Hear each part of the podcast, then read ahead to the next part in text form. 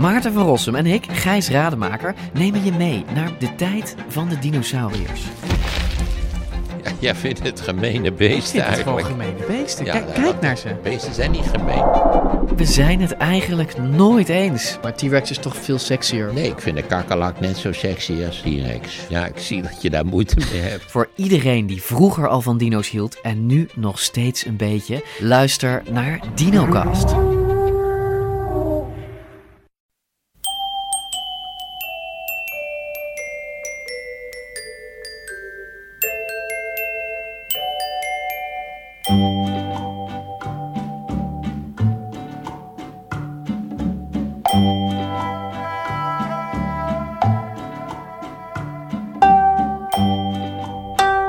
Welkom bij aflevering 179 van de Echt Gebeurd podcast, die voortaan wekelijks in plaats van tweewekelijks verschijnt. In deze aflevering een verhaal dat Axel Wikke afgelopen najaar vertelde tijdens een verhalenmiddag rond het thema Duitsland.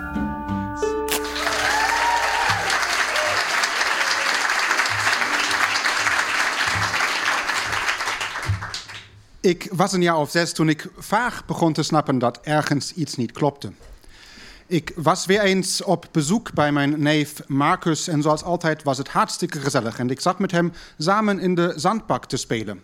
En ik weet nog dat ik bij mezelf dacht, hoe leuk zou het niet zijn om ook een keer samen bij mij thuis, samen met hem in mijn zandbak te kunnen spelen. Dus ik vroeg hem, hey Marcus, waarom kom je eigenlijk nooit bij ons op bezoek? Waarop hij zonder een woord te zeggen alleen zijn schepje liet vallen en naar binnen liep. En dat was natuurlijk behoorlijk gek. Dat huis waar hij naar binnen liep stond in Oberkunnersdorf in de Oberlausitz, het meest afgelegen landelijke oostelijke gebied van Oost-Duitsland. Je bent daar bijna al in Tsjechië of Polen. En Oberkunnersdorf was het geboortedorp van mijn vader.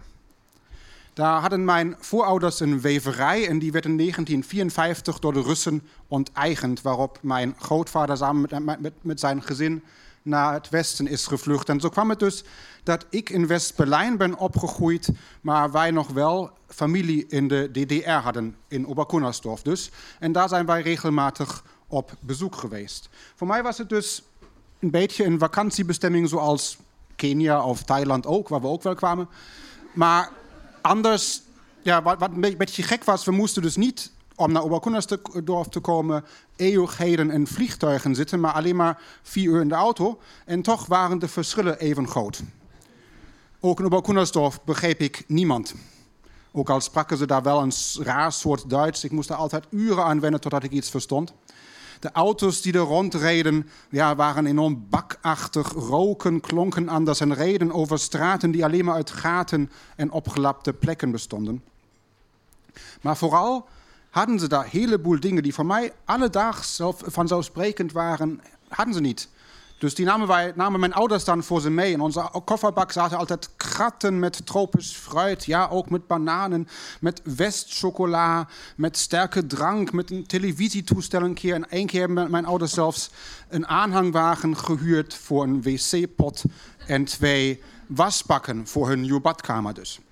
Ik vond dat als kind enorm gek, want ja, hebben ze daar dan geen winkels of zo? Maar naarmate ik ouder werd en nog steeds uh, bevriend was dus met Marcus, was duidelijk dat er ja, behoorlijk veel andere dingen die ook voor mij leuk en vanzelfsprekend waren, ja, dus niet bestonden. Bijvoorbeeld toen onze puberkamers zich steeds meer met popposters vulden en wij bijna religieus elke maand de Duitse hitkrant, de Bravo, kochten, gebeurde dat dus daar niet. Geen posters aan de muur, ze konden niet meezingen met Nena of met Michael Jackson, kenden ze niet. Omdat dat namelijk dit afgelegen gebied achter een lullige heuvel, heuvelketen lag en dus daarom om puur technische reden geen West-TV en geen West-radio kon, kon, kon, ontvangen. Dat heette toen het Taal der Ahnungslosen, het Vallei der Onnozelen. Ja, ik kan het niet mooier maken. Maar um, ze wisten dus daar echt gewoon serieus heel weinig over het Westen of, en wat ze wisten was, in, wat enorm, was enorm overdreven of legendarisch. Ja, dat was dus behoorlijk gek. En uh, mijn, mijn zus en ik vonden dat ook ja, enorm zielig eigenlijk. En we hadden natuurlijk het goede voorbeeld van mijn ouders, die ook altijd dingen gewoon meenamen voor ze. En zo zaten we een keer thuis bij ons in West-Berlijn over na te denken, kunnen we niet ook wat voor ze meenemen? Hè, wat dus met ja, popposters en muziek te maken zou moeten hebben. Maar we wisten wel dat dat, dus anders dan chocola of een televisietoestel niet mocht. Want onze auto werd telkens toen we de grens overstaken juist daarop doorzocht. Dan moesten we uitstappen, alle bagage werd uitgehaald, opengehaald, voor dus, om dus tijdschriften en muziekcassetten te zoeken. Maar ja, er was niet echt een alternatief. Die jongens die hadden posters nodig en mixcassetten, die we dus in onze dubbele cassettendek destijds gewoon opnamen. Uh, ja, hoe kunnen we die dus over die grens smokkelen? En nou, uiteindelijk zijn wij maar gewoon onderbroeken gaan kopen, een paar maatjes groter. Hebben wat grotere, wijdere broeken of mijn zus dan een rok aangetrokken. En die gewoon ja, in onze onderbroeken gestopt. Ik een mixtape, zij een opgevouwen Bravo. En ik moet jullie helaas bekennen dat wij daar geen boterhamzakje omheen, omheen hebben gedaan. en zo zaten wij dus vier uur in de auto met behoorlijk spul tussen onze benen. En ik weet nog dat wij zelfs hebben geoefend hoe wij dus zonder dat mensen dat zagen uit die auto konden stappen. Een paar meter konden lopen, zodat dus wij naast die auto konden wachten terwijl dus die grensofficieren ons auto uit elkaar haalden. Zonder dus dat die merkten dat wij gewoon ja, uh, tussen onze benen gewoon allerlei smokkelwaar hadden. Um, en we kwamen daar dus aan en stapten uit en trokken dus Sibylle en Marcus hun kinderkamer in. En haalden dus triomfantelijk onze smokkelwaar ja, uit onze onderbroeken dus. Maar dat deerde dus helemaal niemand waar die dus vandaan kwamen. Want in één klap waren die twee pubers tot koningen van de plaatselijke jeugd gebombardeerd. Want zij waren ineens de enige met een Madonna en een diepe Mode poster boven de muur. En wij waren de enige die met westmuziek konden pronken. Dat mixtape is volgens mij in elk pand waar jongeren destijds wonen in dat dorp Gijs gedraaid destijds. Andere posters van Cindy Lauper en de Bengals, die vonden ze niet zo leuk, konden ze echt voor veel geld doorverkopen. Ja, serieus. Uh, dus het, het, was, het, was, het, was, ja, enorm gek hoe dat dus allemaal werd rondgeschouwd. En wij vonden dat natuurlijk enorm leuk als tiener. Dat was een enorm avontuur voor ons. Maar het gaf mij ook iets waar ik in West-Berlijn alleen van kon dromen. Want ik was een tamelijk klein en iel jongetje, wat op school altijd werd gepest. Maar in de DDR was ik het stoere neefje uit het Westen. Wat dus alles van westerse popmuziek wist. Dus ik had daar ineens status. En dat was geweldig natuurlijk, want ja, we werden bijvoorbeeld een keer meegenomen naar, de, een bijeenkomst van de plaatselijke FDJ, de Vrije Duitse Jugend, maar de partijjeugd waar, waar elke jongere van lid moest, zijn, tenminste als je later wilde studeren. En daar zaten we dus in een, in een zaal met, weet je niet, honderden geuniformeerde jongeren, wij alleen in gewone kleren, naar zo van die toespraken te luisteren van partijbonzen op dat podium onder een gigantisch portret van Erich Honecker gezeten. En die zaten dus natuurlijk het westerse kapitalisme uit te voeteren. In ons idee, ja, ons uit te voeteren of gewoon tenminste negatief uh, te beschrijven. En het was behoorlijk gek dat zodra die toespraak dus af was, in de pauzes, ja, waren wij ineens de middel, het middelpunt van die hele bijeenkomst, maar in positieve zin. Want iedereen wilde ons dus bevragen op westerse popmuziek. Ook wel jongens die ouder waren dan wij. En wilde, wilde vooral ook, en dat was nog gekker eigenlijk, een keer aan onze spijkerboeken voelen. Want ja, Westkwaliteit hadden ze daar niet. Dus dat was behoorlijk gek. Een jaar later uh, ging dan Marcus naar Oost-Berlijn om daar te gaan studeren. En ineens kon ik hem zomaar gewoon ja, opzoeken. Ik moest wel een grens over, maar ik kon met het openbaar vervoer naar Wedding en uh, daar die Beuzebrücke over en de grens oversteken. En hij, bij, hem direct binnenvallen, want hij woonde maar een paar meter achter die muur. Uh, en keek ook, uit uh, op vier hoog over, over die muur en eigenlijk richting westen. en dat was hartstikke leuk om daar een paar weekenden in 88 door te brengen. Een jaar later mocht dat dus ineens niet meer van mijn ouders, want ja, de spanningen liepen daarop. Steeds meer demonstraties, politiecontrole, noem maar op. Natuurlijk de angst dat, dat de uh, Russische tanks uit de kazerne zou komen en daar alles overhoop zou schieten. Dus ging alleen nog maar telefoneren, altijd met die tweede klik, dat je wist, ah, nu luistert de Stasi mee. Dus heb je dan woorden afgesproken dat je dus niet moet praten over de muur die nog moet vallen, maar over de taart die nog gebakken moet worden. Dit soort, dit, dit soort rariteiten. Um, en steeds weer natuurlijk ook de angst dat hen iets zou overkomen toen kwam 9 november, dat was een gewone donderdag. Ik moest een biologietentamen buffelen en dat vond ik helemaal niet leuk. Uh, dat ging niet door trouwens, want dat was de volgende dag en dat was natuurlijk gekkenhuis. Maar um, ik, zepte, ik, ging, ik, ging, ik ging de kelder in om, om door de paar televisiekanalen die we destijds hadden te, te zeppen en kwam zo puur, bij toeval in die beroemde persconferentie van Günter Schabowski uh, terecht.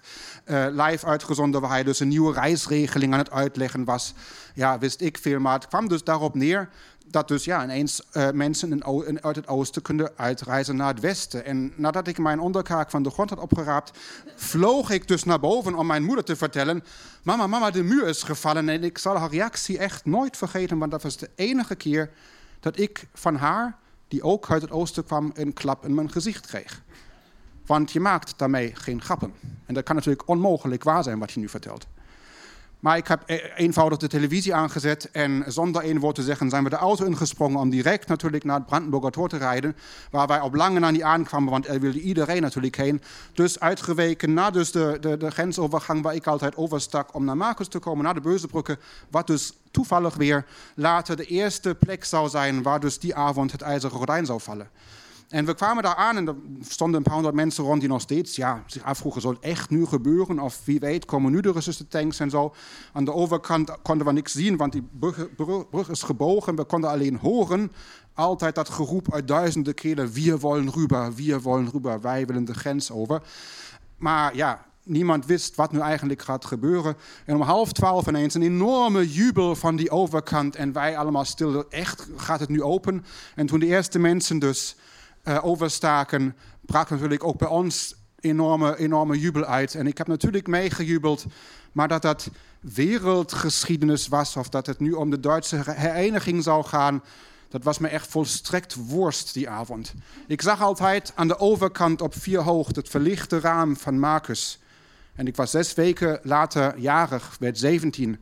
En mijn enige gedachte was alleen, alleen wauw, voor de eerste keer kan Marcus naar mijn verjaardagsfeest komen.